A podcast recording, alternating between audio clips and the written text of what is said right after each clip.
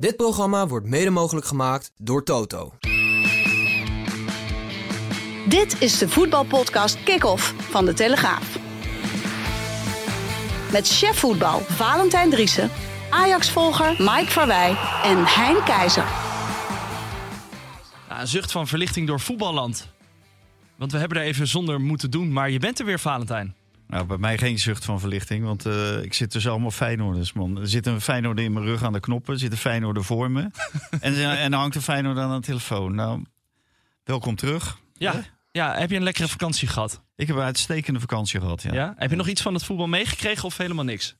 Ik heb eh, bijna alles wel gevolgd van uh, afstand. Ik had overal wel meningen over, maar ik heb me toch kunnen uh, bedwingen om niet overal in te bellen en overal allerlei dingen te roepen. En ik ben geweest naar Al Nassr tegen Benfica. Kijk, je hebt Ronaldo zien spelen. Ik heb, nou, ik heb hem rond zien lopen. Okay. Ja, het had ja. weinig met spelen te maken. Meer, nee, nee hij kwam twee keer alleen voor de keeper. Eén keer een bal ver over, een andere keer tegen de keeper. En voor de rest speelde hij geen rol, maar... Hij is in, in uh, Portugal helemaal niet zo populair. Want hij werd continu werd hij, uh, uitgefloten. Want het is natuurlijk een jongen van Sporting. Mm -hmm. Ik weet niet of we dit piepgeluid nou ook... Uh, ja, zijn we er alweer uit? Nee, nee, nee. We zijn ergens uit. Ik ga eens even kijken wat er aan de hand is. Dit dat is, altijd... natuurlijk die, die, die Feyenoord technicus. Ja, hè? die zo. weet de knoppen weer niet te vinden. Nee, precies. Maar, uh, Ga rustig door. Ja, nee, uh, maar het werd continu gefloten als hij aan de bal, als hij aan de bal kwam. Hij kwam niet zoveel aan de bal. Maar, uh, maar het is een jongen van Sporting. En dat is natuurlijk de grote concurrent in Lissabon van, van Benfica. Ja. Alleen hij werd voortijdig gewisseld. En dan, nou, dat, dan zou je denken van een massaal gefluit en zo. En, maar toen kreeg hij toch een staande ovatie. Want ze vinden het toch uh, en als je dat dan ook aan me mensen vraagt van Benfica en uh, Benfica-aanhangers, wat ze nou van hem vinden. Ja, ze vinden hem beter dan, uh, toch beter dan Messi, want hij is een van hun ja. dan ineens. Ja. Dus daar zitten ze natuurlijk allemaal fout mee, maar dat maakt eens. en je hebt natuurlijk Benfica dan aan het werk gezien. En Kukcu. Kukcu? En Kukcu die, nou, die, die speelde heel gedienstig, vond ik. weinig avontuurlijk. Had niet de drive die hij ook bij Feyenoord had. Maar ja, het is natuurlijk een van de eerste wedstrijden, maar... Wat het voor hem moeilijk maakt, denk ik, is dat uh, er lopen een aantal mannetjes natuurlijk rond bij Benfica. Roger Smit. Roger Smit, nou die stelt hem wel op. Okay. Uh, iedere keer uh, in de, de goede basis stelt hij hem op. Hij heeft Orsnes, die, waar ze helemaal weg van zijn in Portugal. Wat ik ook onbegrijpelijk vind. Maar, Hoezo vind je dat onbegrijpelijk? Nou, het is gewoon een, een, een dienstbare speler. Maar dat is geen bijzondere speler. Okay. Als je Kukcu of Orsnes, dan kijk liever naar Kukcu dan naar uh, Orsnes. Mm -hmm. Ja, ja. Maar uh, nee, hij speelde echt in dienst van het elftal. Maar bijvoorbeeld Di Maria, die eist gewoon alles op. En als Di Maria het niet opeist, dan is Rafa daar, die alles opeist. En is die er niet bij, dan is João Mario die alles opeist. Want dat zijn allemaal jongens die graag de bal hebben. Maar moet, die bal moet eigenlijk vanuit Kukcu en dan richting die voorwaartse. Ja. Uh, ik vond wel dat hij, uh, hij had twee hele goede ballen op, uh, op die Maria. Dus ik denk dat dat wel een aardig koppel kan, kan worden. Maar ja, hij moet er wel een beetje in komen. En dat was wel duidelijk. En uiteindelijk Benfica 1-4 gewonnen? Ja, 4-1 gewonnen. 4-1 gewonnen. Ja, zie je zeker op je computer. Ja, zeker. Ja, natuurlijk. Even opzoeken. dat je het erbij gehouden. Nee, nee, nee, nee. Ik had wel betere dingen te doen. je Ja. hoort hem al op de achtergrond. Marcel van de Kraan is erbij. Welkom Marcel. Hallo. Nu een keertje vanaf uh, afstand, niet bij ons in de studio. Laten we het uh, vooral even gaan hebben over het, uh, het nieuws van, van gisteren. Twente speelde namelijk tegen Hammarby. de wedstrijd was, nou ja, eigenlijk viel die in het niet met wat er daarna gebeurde, Valentijn. Heb je toen met schuim op je bek zitten kijken? Was het weer zover? Begon je Nee. spataderen te krijgen of dacht je... Nee, ik, ik denk dat dit is een eh, herhaling van zetten. En eh, ik vond het gewoon heel triest, ook voor het Nederlandse voetbal. Want je twee keer mee geconfronteerd. We zijn gestopt met eh, AZ West Ham, met eh, een Ja. slagpartij op de hoofdtribune. En we beginnen met eh, FC Twente Hammarby, met massale vechtpartijen op de hoofdtribune. En dan denk je, ja... eh, wat ik al vaker hier ook heb gezegd, van kappen met die uitsupporters. Gewoon niet meer toestaan. En, en dan denk ik dat je van een heel groot probleem af bent. Want het is niet alleen in het stadion. Het was al twee dagen van tevoren in, in Enschede en omstreken. In Hengelo stond iedereen op scherp. Dus wat hebben we hier aan? En ik vind dat eh, Paul van der Kraan, die is nu nog directeur van FC Twente. Die moet gewoon zeggen van... En hij zijn zin speelde er wel een beetje op dat er volgende week, ge- volgende week gewoon geen Twente supporters meegaan naar Zweden. Mhm. Want eh, ja, het is natuurlijk wachten op problemen, op eh revanche nemen. En eh, ja, dat moet je gewoon niet willen. Maar zijn verweer was dat er onder andere kaarten waren gegeven aan sponsoren en aan, eh, nou, hoe noem je dat, relaties van Hammarby. Ja. Die zaten in dat vak. En als, je, was... als je niemand toestaat, dan eh, komen dat soort mensen ook niet. Maar is dat niet heel zwak dat je dat daarop gaat gooien? Nou, ik, vind- ik vind het heel zwak eh, voor, de mensen, voor de neutrale toeschouwer die op de hoofdtribune zit. Die denkt voor eh, 50 euro een, een goed kaartje. En dan zit je daar met je hele gezin. Ja. En dan kom je midden in een, in een knokpartij. Nou, dat zijn mensen die gaan afhaken. Die komen niet meer. Dus, dus dat, dat is veel ernstiger dan eh, het toestaan van eh één of twee eh randenbielen daar. Of één of twee, eh, 200 randenbielen. Die op een of andere manier toch aan hun kaartjes komen op die hoofdtribune. Ja. Marcel, heb jij er naar de- gekeken? hij- nou, de, kijk, ik wil daar inderdaad wat over zeggen. De- Het is inderdaad een bekend probleem. ehm, in het, vooral bij de Europese wedstrijden. De tegenpartij krijgt altijd ongeveer 200 kaarten voor familieleden, voor vrienden, eh, voor agenten, makelaars die de spelers begeleiden. Nou, als dat soort mensen er zitten, dan heb je geen probleem. Maar een deel van die kaarten, en soms een heel groot deel, als mensen niet reizen of eh, besluiten niet mee te gaan, wordt meteen verpatst of weggegeven aan eh, bevriende supporters. En dat, die komen dan in de vakken van de harde kern terecht, die kaarten. Nou, dat hebben we bij eh, AZ natuurlijk gezien, want daar zat gewoon 80% was de harde kern van, eh, van West Ham. En een week eerder was natuurlijk eh, de, de AZ-aanhang belaagd. Nou, daar zaten, wat ik heb begrepen, nog wel veel familieleden van, van AZ-spelers in Londen. Die vonden het allemaal een prachtig reisje. En die zijn toen ook al belaagd. Dus kennelijk kan dat gewoon niet. Je moet gewoon zeggen, joh, dit is voor het bestuur en een heel klein groepje familie en meer niet. En die moet je ook vertellen dat ze beter niet in, eh, in AZ of Feyenoord of Twente sjalen kunnen gaan zitten. Of uh, Hammerby sjalen. Want het, het, in deze tijd kan het niet meer. Het is natuurlijk heel treurig dat het na alle problemen die we in het stadions eh, eh, hebben gehad afgelopen jaar, dat dit nu weer de start van het nieuwe seizoen is. Nou, wat krijgen we nog meer te, te zien dan straks? Ja. Ja, dus kappen. Kap, kap er gewoon mee. En hoe heet dat? Het is misschien eh, ehm, ja, bezwijken eh, voor de terreur. Maar ja, dan, dan moet je maar bezwijken voor terreur. En dan daarna Ja, met een plan komen. En, En de kosten ja. van de politie En de kosten, in- ja. in, in, in, in Hengelo, eh, volgende week weer in Hammerby misschien. En nou, we hoeven alleen maar naar de Kuip te kijken hè, met, de- met de netten, met de problemen. Nou, Ajax komt al heel lang niet meer naar Feyenoord. Dat zal ook denk ik niet meer gebeuren. Ook de eerste tien jaar eh, zeker niet en misschien wel nooit meer. Dat kan gewoon niet. Er is geen enkele aanleiding om te zeggen... jongens, ga maar lekker met eh, de Feyenoord aanhang naar de arena en andersom. Nee. En als het eh, zo doorgaat, gaat het inderdaad voor meer clubs eh, gelden. Want de politie haakt gewoon af. Ja, de draagvlak bij de maatschappij valt natuurlijk ook helemaal weg. Zeker, ja, dat merk je aan alles. Dus die, zijn beelden, die beelden worden natuurlijk veel meer gedeeld en dat wordt Ja. veel meer gezien. En goed ook. Ja, dat je gewoon ziet wat er gebeurt. En wat voor jongens het zijn. ja, Het zijn allemaal hetzelfde soort. Allemaal zwarte jasje. ja. Capuchonnetje Zwart- Ja, kap een petje op. En eh, ja, op het moment dat je vijf zwarte petjes samen op een eh, tribune ziet eh, zitten... dan zou je ze gewoon de tribune af moeten halen. Ja. Toch nog heel even over het voetbal. Twente wint met 1-0. Genoten van het spel? Ja, maar dit gaat ook, het ging ook weer helemaal nergens over. Dat Hammarby is dan 16, 17 wedstrijden onderweg. Maar die staan gewoon negende in Zweden. Mhm. En eh, dan eh, wordt de Polonaise gelopen met 1-0 hebben gewonnen van eh, Hammarby uit Zweden. En we zijn zelf vier weken onderweg. Je bent ja, weer terug, hè? Ja, nou, die, die, die fles azijn die is weer gevuld. Ik heb wel te doen met jouw vrouw en kinderen af en toe. Hè? Want Ja, ga je dan nou, ook zo de bakker in... waar, je was in Portugal. Ga je dan de, bakker in de ochtend een beetje lopen neersabelen van... Ja, sorry, maar Nee, nee, noem mevrouw, je dit, noem je dit die, die sabel ik neer, want die neemt veel te, veel te veel broodjes mee en zo. Wat we allemaal weer weg moeten pleuren. En dan denk ik, dat is zonde.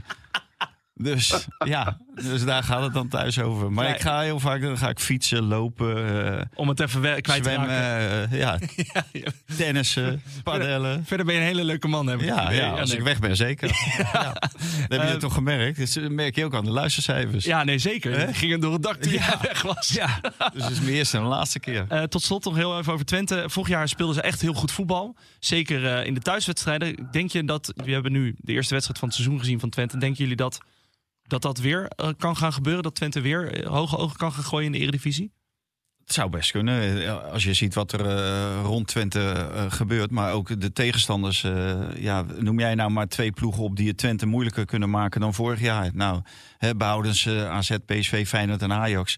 Ja, Utrecht moet ik nog weer zien. Hè. Dan, eh, je hoopt iedere keer, en dan hoop ik eigenlijk alleen maar voor Franse Zeumer... dat het wel een keertje gaat lukken. Ja, en voor zijn kinderen, want die, Ja. die zien die erfenis Ja. gewoon verdampen. Ja, dus eh, wat, wat dat betreft. Maar ja, ook daar eh, zie je weer van. Ja, vraag ik me af of die het Twente moeilijk kunnen maken. En Ja. dan gaat Twente volgens mij in de begroting gingen ze ook eh, 11 miljoen of zo, of, of 6 miljoen omhoog.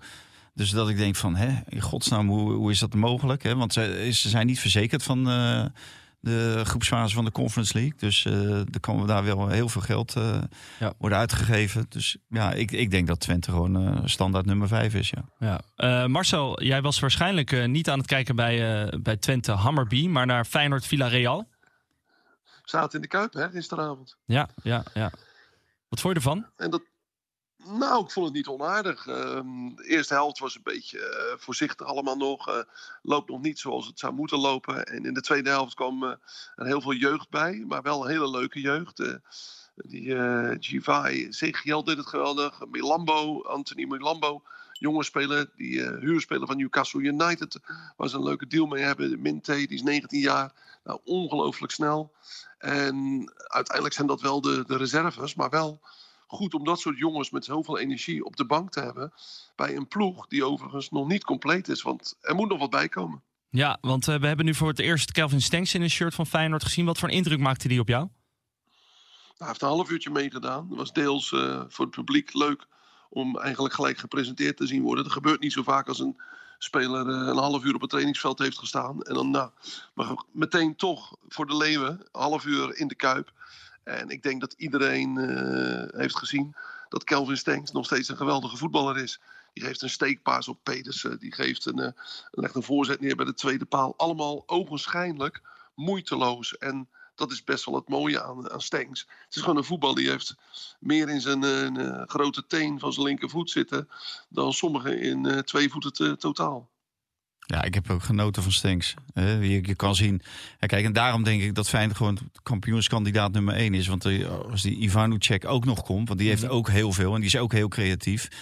Ja, dan, dan, dan los je het probleem van uh, het vertrek van Kukcu, met die leef je creativiteit in. Dat, dat los je op en je krijgt er spelers bij die eigenlijk beter zijn dan wat er rondloopt. En dat, dat wil je graag. Hè? En, en dat wilde Slot natuurlijk ook graag. Er was wel één kanttekening. En dat zag je in de tweede helft. Dat Feyenoord ook gewoon goede jeugd heeft. En die heeft Slot veel te weinig kans gegeven vorig jaar. Als je 3-0 voor staat, of, of bij, bij uh, tegen Go Ahead, of weet ik waar ja, dan moet je jonge jongens de kans geven. Milambo heeft gewoon te weinig minuten eh, vorig jaar gemaakt. Uh, dus dat, dat vind ik jammer. En, maar nu zie je dat die jongens ook kunnen voetballen. Mhm. Dus die moeten wel de kans krijgen. Ook als uh, die versterkingen er nog komen. Ja, je noemde de naam van Ivanišek. De Kroaat die nog een hattrick maakte afgelopen week. Marcel, wat is daar de laatste stand van zaken in? Nou, ik vermoed dat hij, uh, het is nu vrijdagmiddag dat we deze podcast opnemen, dat hij binnen 24 uur uh, eigenlijk uh, op Schiphol staat. ik weet dat de partijen elkaar flink genaderd zijn. Het gaat volgens mij alleen nog maar om de details. En uh, Ivanusek uh, wilde zelf naar buiten en uit respect voor zijn club, Dynamo Zagreb en de supporters, niet te veel over zeggen. Maar hij heeft wel aangegeven dat het uh, nu volledig aan de clubs is. En ik denk dat hij er zelf al helemaal uit is over een mondeling contract voor, voor vier jaar. En dat hij klaar staat om dat hier te komen tekenen en zijn medische keuring te doen. Nou, als, als Marcel dat zegt, dan kunnen we daar gevoeglijk wel van uitgaan. En dat zegt wel dat onze grote vriend Dennis de Kloeze is wel een dealmaker. Don Dennis. Don Dennis. Wordt hij al zo genoemd? Ja, dat kan ik me voorstellen. Want... Nou, Don, Don te Kloeze, toch? Ja, ja Don te Kloeze, ja. Maar eh, het, het is wel een dealmaker. Stenks, die haalt hij in een weekend haalt hij op. Dan moet je door, doorpakken. Ivanucek, heel moeilijk. Die jongen scoort net drie keer voor Dynamo Zagreb... in de voorronde van de Champions League, volgens mij. Dus om die dan alsnog weten te halen en uit handen van anderen te halen. En ja, dat is natuurlijk een schril contrast met eh, wat er bij Ajax gebeurt. Die, die jongen van Dynamo Zagreb niet weten te halen. Terwijl deze is gewoon ook nog veel beter. Satulo bedoel je toch? Ja. Of ja, Citalo, een van de twee. Ja, Citalo of Cita Sutalo. Ja, Jozef. Maar, uh, nee, maar, maar dat, dat vind ik wel. En, en daarom heb ik best wel vertrouwen in. En ze zoeken volgens mij ook nog een, een buitenspeler. Nou, die zal ook wel komen. Maar hij laat zich ook niet uh, het vel over neus trekken met die, uh, met die Deen. Ja. 12,5 miljoen voor een Deen. Die, die nauwelijks in het nationale elftal iets Isa Isaacsen bedoel je dan toch? Ja. Van uh, Ja, ik heb, ja. Ik heb begrepen dat hij uh, wel op de scoutinglijst staat, maar dat ze daar niet actief voor zijn. Mm -hmm. uh, ze mikken toch nog meer op, uh, op, de, op de spits van Cerkelen. de Ayase, Ueda. Ueda, ja. En, ja. daar blijven ze op inzetten, maar ze moeten natuurlijk op meerdere borden schaken als een bepaalde deal niet doorgaat. Maar het is wel duidelijk dat de Kloeze niet de hoofdprijs wil betalen die meteen overal genoemd wordt als Feyenoord aanklopt. En daar is hij dan wat stugger en wat harder in. En ik denk dat dat ook wel goed is. Ze blijven hun uh, financiën behoorlijk uh, binnen de perken houden. Want als nou die spits komt, of dat dan de Japanner is of een Deen... En uh, komt erbij. Nou, dan heb je in totaal ongeveer 30 miljoen uitgegeven. Hè? Er is nu 16,5 uitgegeven. Er komt er nog misschien 16 bij. Nou, zit je uh, iets meer dan uh, 30. Nou, als je dan weet wat, ze voor Kokju uh, gekregen hebben met één speler. Nou, dan, dan doe je normaal zaken en heb je toch weer een hele sterke selectie staan. Ja, verkopen ook jeugdspelers redelijk tot goed. Dus ik, ik denk dat het, dat het goed staat. Hè? Dat is een andere structuur. Nou, en uh, het is goed dat de Kloeze wat dat betreft. En ik weet uh, in de gesprekken met Tottenham Hotspur, toen werd hem op de man afgevraagd: wat wil je nou eigenlijk het liefst? Algemeen directeur zijn of technisch directeur? En hier roept hij natuurlijk altijd ja, algemeen directeur. Maar toen zei hij van ja, eigenlijk technisch directeur. Oh, is dat zo? En dat kan niet goed. Ja. Is nu gebleken. Dat blijkt. He, dat is vorige, vorige zomer is dat gebleken en dat blijkt nu weer. Mm -hmm. En kijk, Slot doet het heel goed op het veld, maar slot moet ook wel de mogelijkheden geboden worden. En dat wordt hij door deze algemeen schuine streep technisch directeur uh, uh, wordt hij op zijn wenken bediend wat dat betreft. Tot slot, uh, Marcel, ik vroeg me nog af. Danilo die is vertrokken naar Rangers voor nou, een behoorlijk bedrag, 6 miljoen. Is dat een verstandige move van Feyenoord? Want nu moet ze achter die Ueda aan, die eigenlijk duurder is. Had je niet Danilo gewoon binnenboord moeten houden? Ja, dat is wel grappig dat je dat zegt. Want gisteravond heeft Arne Slot daar ook een reactie op gegeven na de wedstrijd. Want die ja, moest toch wel een beetje verklaren van wat is er aan de hand bij Feyenoord. Waarom doen we een jongen weg die betrokken is geweest bij best nog wat goals in de minuten die hij gespeeld heeft. Nou, heeft Slot gezegd, kijk, tuurlijk eigenlijk wil je hem houden. Maar in de tweede helft van het seizoen ging hij steeds minder spelen. Omdat Jiménez zoveel speelde en zo, ja, zo productief was. Nou, dus Danilo zat natuurlijk in werkelijkheid een beetje met de pest in zijn lijf op de bank. Ja, gaat hij dat nog een jaar doen? Nou, dan kan je hem toe dwingen. Maar dan creëer je een hele giftige sfeer. En dat wil hij niet. Nou, ze kunnen een flink bedrag voor hem krijgen. Ze, hij heeft natuurlijk niks gekost. Dus in dat opzicht is bijna gevonden geld. En ook een goede actie geweest uh, het jaar daarvoor om hem binnen te halen. Nou, en als je dat geld dan kan besteden aan een nieuwe spits. Weer een jonge jongen. En uh, dan moet je er een paar miljoen misschien bij doen om een nieuwe spits te halen. Dan hou je ook een gemotiveerde jongen binnen die achter, hè, want daar gaat het natuurlijk om, die achter uh, Jiménez wil plaatsnemen. Want dat is wel een beetje de, de rol natuurlijk van de spits die komt. Je moet een gemotiveerde jongen van degene, uh, degene die komt, die, die moet accepteren dat hij niet de nummer 1 is. Ja. ja. ideaal dit, doorselecteren. Ja. Daar gaat het om in de top. Dan moet je durven en dat moet je doen. Nou, mm. dat, dat doen ze. Dus wat dat betreft is het, uh, ja. Marcel, zie jij, zie jij, Valentijn zijn net kampioenskandidaat nummer 1. Zie jij dat ook? Ja, nu zeker. Uh, sowieso op basis van wat ze het afgelopen seizoen hebben gepresteerd. De groei van het elftal, het behoud van de trainer. Hè, daar hebben we natuurlijk veel over geschreven. We hebben uh, gedacht allemaal, zou hij naar Tottenham gaan? Nou, uiteindelijk blijft hij. Nou, we hebben ook gezien wat hij heeft betekend voor Feyenoord. De Kloeze levert hem de spelers aan die het elftal sterker maken. Nou, dan, uh, dan ben je inderdaad kampioenskandidaat nummer 1. En overigens ging toen ik gisteren uh, bij, de, bij de Kuip kwam, we, we, hadden het aan het begin even over de Valentijnse vakantie. Maar ehm, er wordt natuurlijk af en toe wel eens op social media wat geplaatst enzovoort. Maar zelfs in Feyenoordkringen vonden ze het niet zo leuk dat Valentijn zo lang weg was. Want mij werd het hemd van een lijf gevraagd van wanneer is hij terug? Waarom zat hij niet uh, in de podcast uh, vanuit Portugal? Nou, Ah, ik probeer uit te leggen dat hij uh, toch uh, ook recht heeft op vakantie. En, uh, maar de supposter aan de deur van, uh, van de Kuip, die, uh, als die al naar je toe komen en zeggen... hé hey, meneer van de Telegraaf, kan je ons alsjeblieft vertellen of hij er morgen weer is? Dan is er Nou, wel echt kan je iets aan de hand, inderdaad. Ja, ja, ja het, is, eh, het is heel, heel grappig. Eh, er werd zelfs gevraagd waarom hij dan niet tussendoor af en toe even vanuit Portugal voor de camera komt.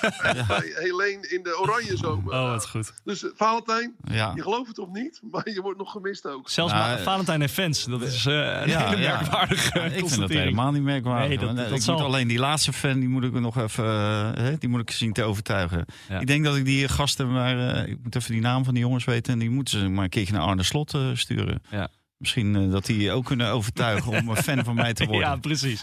precies. Uh, moet je wel uitkijken met je bewoordingen. Oh ja. Ja, maar het is goed met je. Uh, Marcel, dankjewel. We gaan door en spreek ja, je later. ik ga door naar de Kuip, naar de persconferentie van Kelvin Stenks. Die gaat voor het eerst met ons praten. Dus kijken wat daaruit komt. Veel plezier. Hoi. Okay. En nu zijn we bijna in de originele bezetting. Het enige wat je nog mist is uh, Pim CD hier in de studio. Nou, dat mis ik helemaal niet hoor. Dat kan ik je vertellen. wat dan? Nee, prima dat jij het doet. Ja? Ja. Kijk, je bent weliswaar Feyenoord, maar dat uh, hè, ietsje is je vergeven. Nou, we hebben Feyenoord nu uh, genoeg besproken. Bij ons is aangeschoven virtueel Mike Verwij. Die zit in uh, Duitsland. Mike, wat doe je daar? Wat doe je daar? ik ben in Herzogenaurach. Al spreken die Duitsers dat anders uit, maar daar ga ik, ga ik me niet aan wagen. Ik ben op het Adidas complex, mm -hmm. de Adidas campus. En daar heeft Ajax de trainingskamp opgeslagen. Ah, kijk aan. Ben je met de auto? Want uh, volgens mij kun je nu goedkoop tanken in Duitsland. Ik ben met de auto en ik moet inderdaad nog een keer tanken in, uh, ja. in, in, Duitsland. Dus dat, dat ga ik zeker doen op het terugweg. Ah, dat klinkt goed. Heb je Valentijn een beetje gemist? Dat vraag ik me af. Hebben jullie nog elkaar gesproken tijdens de vakantie van Valentijn? Of, uh... ja, als kiespijn? Nee, ik, nee, ik heb hem niet gemist. Ook zoveel mogelijk met rust proberen te laten. Vakantie is vakantie. Hè? Mm -hmm. Dus we hebben elkaar denk twee of drie keer gesproken. Ja, Max. Max, heel weinig. Ja. Hey uh, Mike, heel even meteen ter zake. Uh, laten we eerst de stellingen doen en daarna wil ik het heel graag hebben over uh, de oefenwedstrijd van Ajax tegen ja, die, die hele gekke Duitse naam. SVV. Kan je dat uitspreken?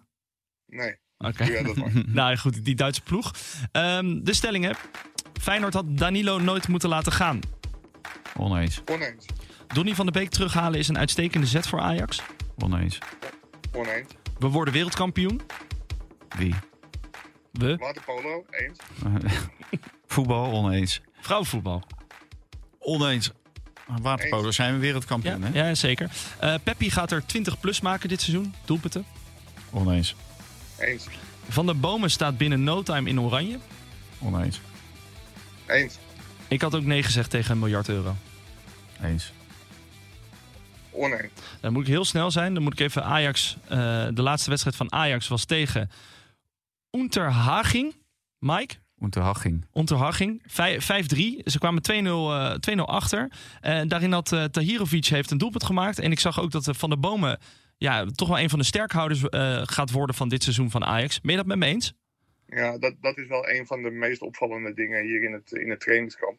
Als je die jongens ziet voetballen, dan lijkt het alsof hij al, al jaren meevoetbalt bij Ajax. En eigenlijk is hij gewoon samen met, dat moet ik erbij zeggen, Steven Bergwijn, die, die heel goed traint, zijn dat wel de meest in het oog springende spelers. Ja, dat zegt natuurlijk alles.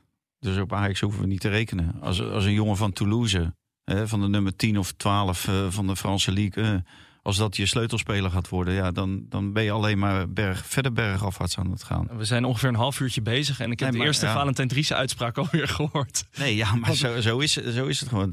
Ja. Kijk, je moet sterkere spelers dan die je had, die moeten, het, die moeten dadelijk de, de kar gaan. Uh, uh, die, die moeten ja, dragend worden voor Ajax. En uh, ja, dat is natuurlijk wel leuk, Branko van der Bomen. En die kan best goed voetballen. Maar dat is natuurlijk geen Europese topspeler. Want als hij een Europese topspeler zou zijn geweest, dan had de Olympique Marseille hem wel opgehaald. Of uh, Paris Saint-Germain of, of, een andere grote Franse club. Hè, omdat hij in die competitie speelt. Dus die kunnen dat goed beoordelen. Maar die, die kiest dan voor Ajax of Ajax kiest voor hem. Ja, dan, uh, dan vrees ik alweer met grote vrezen. Maar Mike, hoe, hoe kijk jij daarnaar? Want hij wordt gezien als de ultieme moneyball-speler. Een jongen die qua statistieken altijd ver boven de rest uittornt. Um... Ja, en, kijk, kijk ik, ik hoor wat Fanta zegt. Maar hij was reserve aanvoerder bij Toulouse. Hij heeft het daar ook gewoon heel goed gedaan. Ehm, ja, ik, ik denk dat het wel degelijk een versterking is. En, en heel eerlijk, in de Eredivisie hoef je natuurlijk ook niet heel erg goed te zijn om het heel erg goed te doen. Kijk, ik, ik weet zeker dat hij in de Eredivisie echt een uitstekende speler is. Of, of hij dat uiteindelijk, als Ajax zich ook weer een keer gaat plaatsen voor de Champions League, of hij al dat niveau heeft, of dat niveau kan halen, dat, dat weet ik ook niet. Maar hier op de trainingen springt hij echt, echt of steekt hij met kop en schouders bovenuit. En hetzelfde geldt dus voor Bergwijn, zei je toch? Ja. Wat is er dan, wat is er dan zo anders aan, aan de Bergwijn aan het begin van dit seizoen als de Bergwijn aan het begin van vorig seizoen? Nou ja, het is grappig dat je dat zegt. Want vorig seizoen begon hij ook geweldig. Uh, volgens mij scoorde hij twee keer in de wedstrijd om de Johan Cruijffschaal. En ging hij heel goed van start. Maar het lijkt alsof hij uh, heeft doorge, doorgetraind. afgelopen zomer. Hij maakt een ontzettend fitte indruk. En hij passeert uh, zijn medespelers alsof ze er niet staan. Kan ook veel ja, zeggen. Dat zegt alles, ja. ja. En, en, en hij, ja. ja. in, in elk partijtje dan, ja, dan schiet hij links en rechts tegen de touwen. En ik heb zo'n interview met hem, dus dan ga ik precies oh, horen wat hij, uh, wat hij allemaal heeft gedaan in de, in, in de zomer. En hoe hij zo fit is. En, ja, en wat ik vooral heel interessant vind, is hij bevrijd door het vertrek van, van Dusan Tadic. Hij speelde wel veel aan de linkerkant, Bergwijn. Maar hij had toch altijd wel de dreiging boven zijn hoofd hangen dat Tadic weer op die plek zou komen. Dus ik denk dat hij ja, dit seizoen echt alle wedstrijden vanaf links kan laten zien hoe goed hij is. Maar het is toch juist Ja, belangrijk is- dat je iemand hebt op dezelfde positie, want dan kan je toch een beetje concurreren tegen elkaar. Ja, maar, Ta- maar tegen Tadic was natuurlijk bijna niet te concurreren. Dat was de onbetwiste leider van Ajax, de aanvoerder. En als je daarmee moet concurreren, dan leg je het meestal af. Dus ik, ik denk dat hij wel blij is met het vertrek van Tadic. Ja, nou, wat, wat er nu in dat trainingskamp, ja, dat, dat zegt maar gewoon helemaal niks. Eh, want daar, daar zijn ook trainingskampen voor, maar daar moet je echt geen eh, conclusies aan verbinden. Wat, wat, wat je daar ziet. Of, eh, want Mike zegt, ja, hij loopt iedereen voorbij. Ja, maar er lopen een hoop jeugdspelers en zo. Ja, die, die, lopen, eh, die loop jij misschien ook nog wel voorbij heen.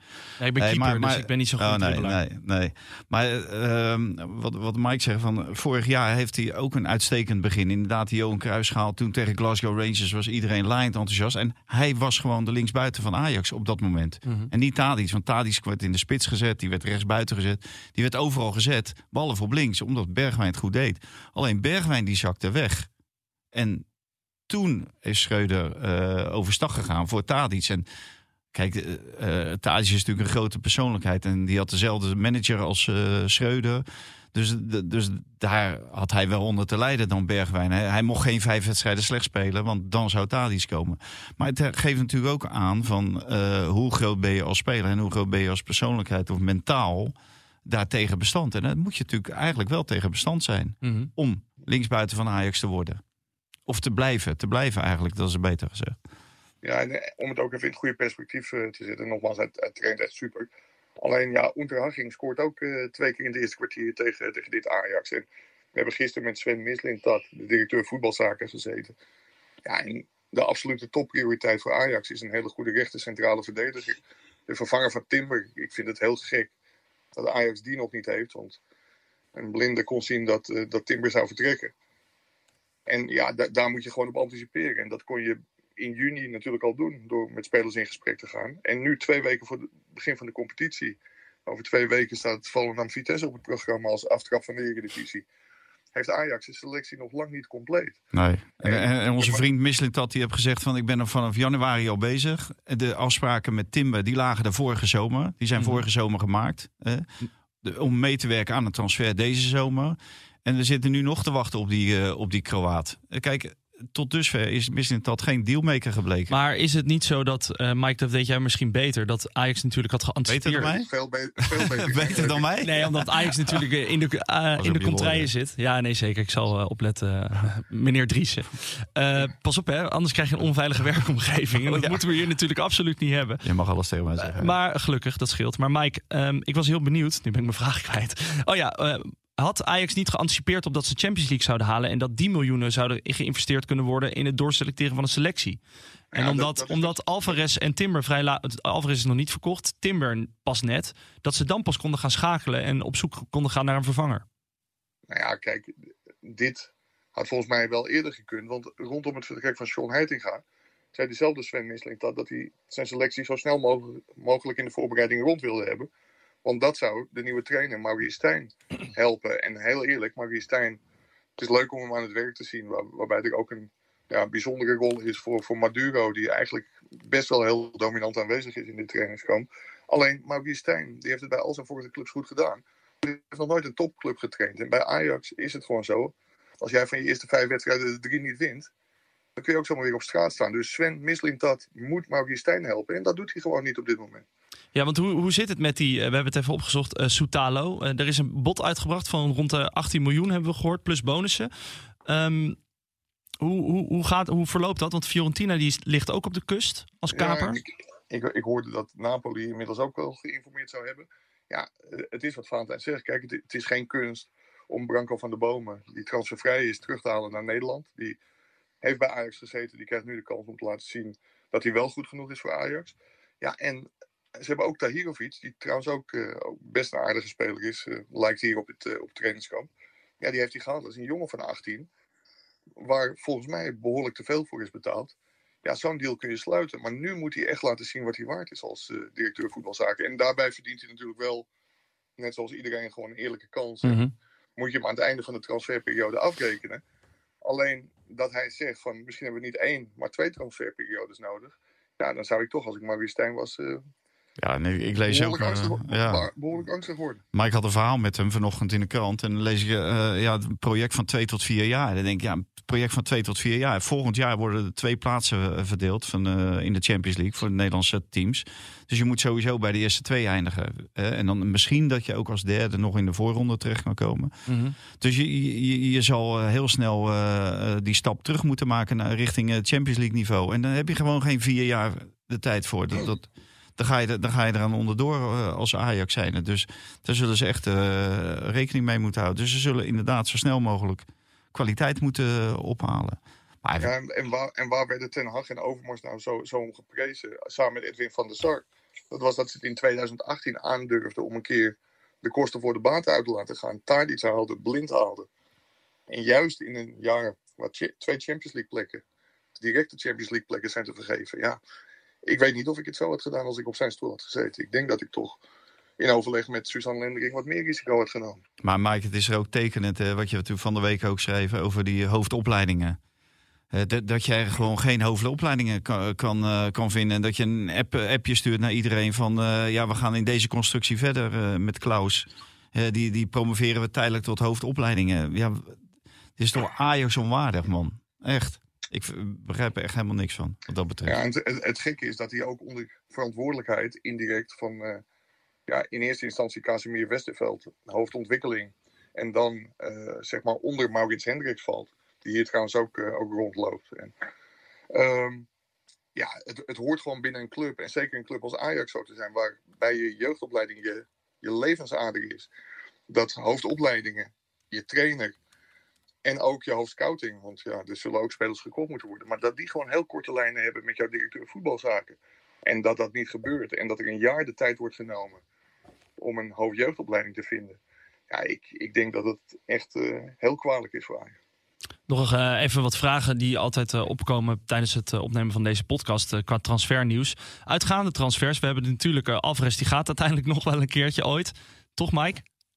Ja, ik weet niet. Moet je daar, Mike eh, heeft hier flessen wijn al besteld voor mij. Wat hadden we gegooid? waar hadden we 30, voor gewet? voor 30 miljoen, eh 30 miljoen ja, plus. Nou, nou, dat, dat gaat hij nog wel. Kijk, er er is een aantal clubs.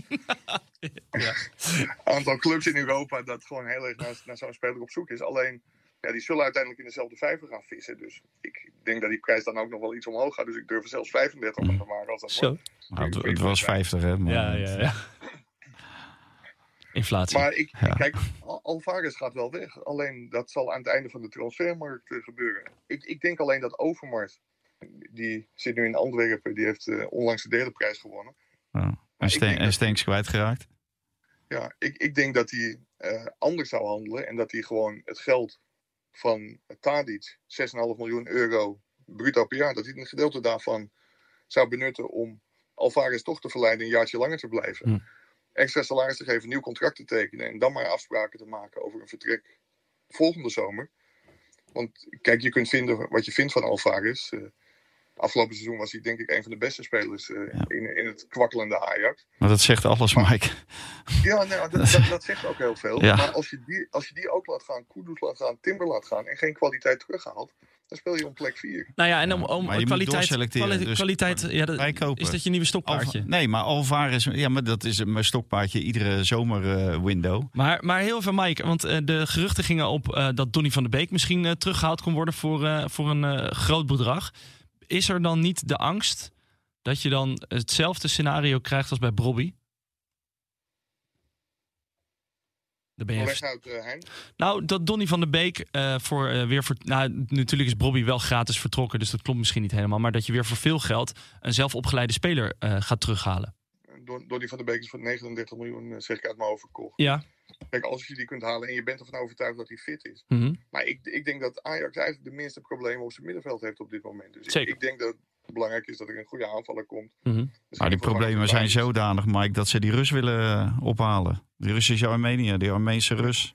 Ja, dat is een hoop om te doen. Dat, Ja. dat klopt. Ik eh, denk dat je dat niet moet willen als Ajax zijnde. En ik denk dat de gevolgen ook nog veel groter zijn dan iedereen denkt. Zo, zo is bijvoorbeeld een van de commissarissen, Annette Morsman, die, die werkt bij APG. Is directrice van APG, volgens mij ook onderneemster van het jaar geweest vorig jaar. En APG, dat is een pen- pensioenfonds, is heel erg strikt op het naleven van de, van de sancties tegen Rusland Mhm. heeft ook een aantal eh, ja, Russische fondsen, begreep ik, eh, de- de- eruit gegooid. Ja, hoe haar werkgever, of ja, haar werkgever, ze is, ze is directrice, dus ze zal er zelf ook een mening over hebben. Maar hoe APG daarnaar kijkt, ja, dat, dat is natuurlijk heel interessant. En datzelfde geldt voor Pierre Eringa. Van, wil je dit of wil je dit niet als voorzitter van de Raad van Commissarissen? Ik denk dat je daar als club je vingers niet aan moet, moet branden. En ik heb ook gezegd, eh, en dat was ook een vraag gisteren aan Sven Misling, dat hoe kan het dat als er in heel Europa tientallen talentvolle aanvallende middenvelders lopen, waarom wil je dan per se een uit Rusland? En ja, dat, dat, is, eh, dat is de vraag. En, en Sven Misling staat, en dat is zijn goed recht, die staat daar gewoon heel anders in. Die vindt als het ja, le- legaal is, dan moet het kunnen. Mhm. En dan moeten anderen maar een beslissing nemen. Ja, hij zegt moraliteit, of, ja, zeg, of iets moreel is, daar kijken an- alle mensen anders naar. Dus dan moet je in feite gewoon kijken, mag het of mag het niet? Mag het, dan kunnen we het doen. En mag het niet, dan, eh, dan doen we het niet. Ja, ongelooflijk vind ik dat. En de, raad- inderdaad, wat Mike zegt, het ligt bij de Raad van Commissarissen. En die moeten hier gewoon de streep doorheen zetten. Die moeten, nu moeten zij eh, eh, laten zien dat zij wel bepaald moreel besef hebben. En Misling dat kan wel roepen over moreel is voor de een anders dan voor de ander. Maar in dit geval gaat het over Rusland. En het gaat over een eigenaar die eh, close is met Poetin. En om daar 10 miljoen naar eh, over te maken, omdat je toevallig een speler wil van, van wat is hij, 22 of 23, eh, die echt niet uitmaakt of jij nu uiteindelijk de Champions League ingaat, ja of nee. Want wat Mike zegt, er zijn nog veel meer spelers eh, op te halen. Ja. Dan moet je gewoon zeggen als eh, raad van commissarissen, je zet hem een streep doorheen. Maar dat dat niet is gebeurd, blijkt ook uit dat verhaal. Want hij laat dat eh, boven de markt zweven. Dus, dus de RVC van Ajax, die is waarschijnlijk dan ook verdeeld. Ja, dan denk ik ook van, ja, dit is Ajax, dat is een voorbeeldclub. En, en dan wordt er gewezen naar PSV met uh, Guus Deel. En dan wordt er naar Feyenoord gewezen met Simanski. Vind ik ook allemaal niet goed. Nee. Moet er gewoon, Dat is wel even goed om te benoemen, hè? want uh, we kregen het, je krijgt natuurlijk wel weer het beeld van, oh daar, de, waarom, waarom wordt alleen Ajax aangevallen? Ja. Want dit Ja. gebeurt Ja, al... dat- kijk, kijk, ik ben met Vaanten eens hoor. PSV en Feyenoord hadden het ook beslist niet moeten doen. Mhm. NEC haalt een, haalt een speler bij een Russische club weg. En die zet op de website in eerste instantie niet eens bij welke club, vandaan, eh, bij welke club hij vandaan kwam. Want die Marcel Boekhoorn die denkt waarschijnlijk ook van... laat mijn vingers hier niet aan branden. Oh ja. En eh, doe dat uiteindelijk toch. Maar ik, kijk, ik vind dat Feyenoord en PSV dat ook niet moeten doen. En ik snap daarom ook de frustratie van de Ajax-fans. Nou, daar heb ik de afgelopen dagen eh, van alles over meegekregen. Maar Mhm. het, het is wel zo dat Ajax, die gaat er altijd prat op. Dat ze de recordkampioen zijn, grootste club van Nederland. En dan heb je ook een soort voorbeeldfunctie. En ik vind echt dat de RVC eh, daar, daar heel hard in moet zijn. Staat genoteerd. Toch? Ja, nou, ik, ik ben heel benieuwd wat, eh, wat die eh, beslissing gaat worden. Ja. Maar hij mislint dat i- ook in het interview. En eh wil ik eigenlijk ook nog wel even over kwijt. En dan dan heeft hij het over Borussia Dortmund, heeft hij over Stuttgart, heeft hij over Arsenal. Hij doet net of hij de redder is van Dortmund, van Arsenal en van Stuttgart. Nou, bij Stuttgart eh, daar is hij één keer eh, nou, gedegradeerd gepromoveerd. Maar bij Arsenal was het gewoon een loopjongen, was het gewoon een scout. En bij Dortmund precies hetzelfde. Er waren anderen die daar de boel weer hebben vlot getrokken. En niet hij. Dat, dat trekt hij nu eh, trekt hij alle eer naar zich toe. Ja, vo- volledig misplaatst vond ik dat. En eh, net wat Mike zegt, je, je moet iemand de tijd gunnen om zich waar te maken. Maar voorlopig heeft hij nog niet waargemaakt. En hij zegt dan zelf dat hij al vanaf januari met Ajax bezig is. Nou, dan, dan bakt hij er tot dusver niet veel van. Ja, en, en dat, dat is ook het interessante. Kijk, we hadden gisteren een gesprek. Het is een ontzettend aardige kerel. Hij heeft echt een goed verhaal. Hij komt gigantisch goed over. Hij kan goed praten. Alleen, ja, uiteindelijk moet je bij Ajax natuurlijk wel afgerekend op je daden. En hij zal echt voor september moeten laten zien. En voor Maurice Stijn liever voor het begin van de competitie. Dat hij gewoon goed materiaal aan zijn trainer geeft. Want het afbreukrisico voor Mar- Maurice Stijn is natuurlijk gigantisch. Die heeft niet het krediet bij de supporters die oudspelers, eh oudspelers altijd hadden. Hij heeft ook geen reputatie bij topclubs dat je zegt van ja, weet je, die heeft in het verleden bewezen dat hij het bij topclubs doet. Dus daar kun je ook wat meer geduld mee hebben. Dat geduld is er niet. Dus eigenlijk heeft Sven Misling dat het lot van Stijn gewoon in handen. Ja. En Ja, maar hij, dat eh, in dubbel opzicht, Mike. Maar hij heeft, hij heeft natuurlijk ook het, het lot van Stijn in handen met betrekking tot... Hij heeft hem aangesteld. Hè, de, de, qua data was eh Stijn de beste. Dus hij heeft hem aangesteld. Dus hij zal ook achter zijn trainer moeten blijven staan. Hij kan hem natuurlijk niet na drie weken... Kan die, eh, kan die hem afvallen. Dus, eh, dus Ja, wat- gelu- gelukkig heeft hij in de eerste drie weken Heracles, Excelsior, Fortuna voor zijn kiezen. Ja, nou en, en eh, dat, dat, die- gaat zijn natuurlijk echt wel winnen met, met dit materiaal. Dat moet geen enkel probleem zijn. En ook in de, in de Europa League ga je natuurlijk wedstrijden winnen. Want ja, die tegenstanders stellen ook niet veel voor. Want er gaan er zoveel naar de Champions League tegenwoordig. Dus, dus dat zal ook niet het, niet het probleem zijn. En ja, Stijn is natuurlijk bekend met de eredivisie. Maar ja, eh, uite- uiteindelijk gaat het erom dat je eh, terug moet eh, op naar Champions League niveau. Ja, en dan de eerste wedstrijd, de eerste moeilijke wedstrijd wordt tegen Twente. Die is op 17 september. En een week daarna is de klassieker al. Uit of thuis, Want Twente. Twente is uit. Nou, en- en- en- en- op die. Ja, en, en, en ze hebben natuurlijk slecht, eh, ze hebben het sle- een heel slecht jaar achter de rug Ajax. Dus je zou ook zeggen van eigenlijk kan het alleen maar beter. Dat is ook zo. Eh, Mike, nog Ik- even. Ik, ik, ik, ik, moet zeggen, Hein, om toch nog even op de Ja. trainingskamp in te haken. Ik zal zo nog iets zeggen over deze locatie, want dat is ook wel leuk. Maar je ziet ook een aantal eh, jongelingen. En dat is wel heerlijk dat je eindelijk weer eens gewoon een paar dagen achter elkaar de training van Ajax kan bekijken. Want normaal gesproken maken ze van de toekomst eh, Fort Knox. Dan kun je helemaal niks meer zien. Maar als je dan bijvoorbeeld een Silvano Vos ziet eh, lopen op dat middenveld. Ja, echt zonder meer een echte Ajax-speler. Spelen voor de toekomst. Maar ook Jorgel Hato achterin die het, eh, die het geweldig goed doet. Daar werd door Mislintat gisteren ook over gezegd van ja, zonder twijfel durven wij daar gewoon een, sp- een basisspeler van te maken. Ook al is hij 17 jaar. Dus je ziet wel hele leuke dingen hier op het, Ja. op het traincomplex. En ik denk ook dat dit Ajax met drie, vier echt goede aankopen gewoon een prima elftal kan hebben. En dat, dat is natuurlijk nog geen Champions League niveau, maar daar moet het weer naartoe.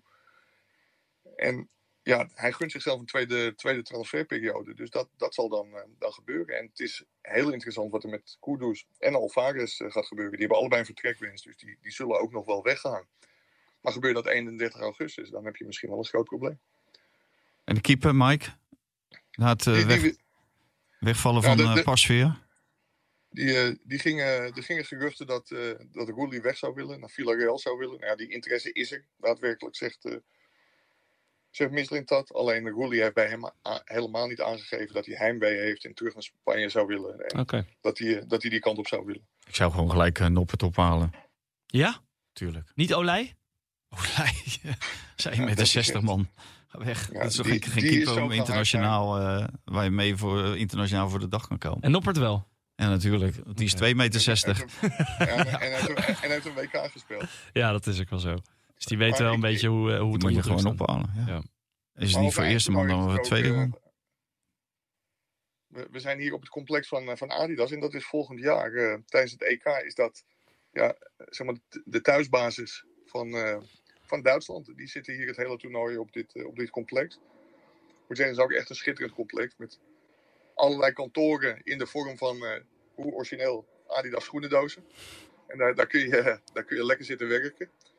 En al die spelers die hebben een eigen huisje op dit complex. En dat is natuurlijk wel, eh, ook voor die spelers van Duitsland komend jaar, EK in eigen land.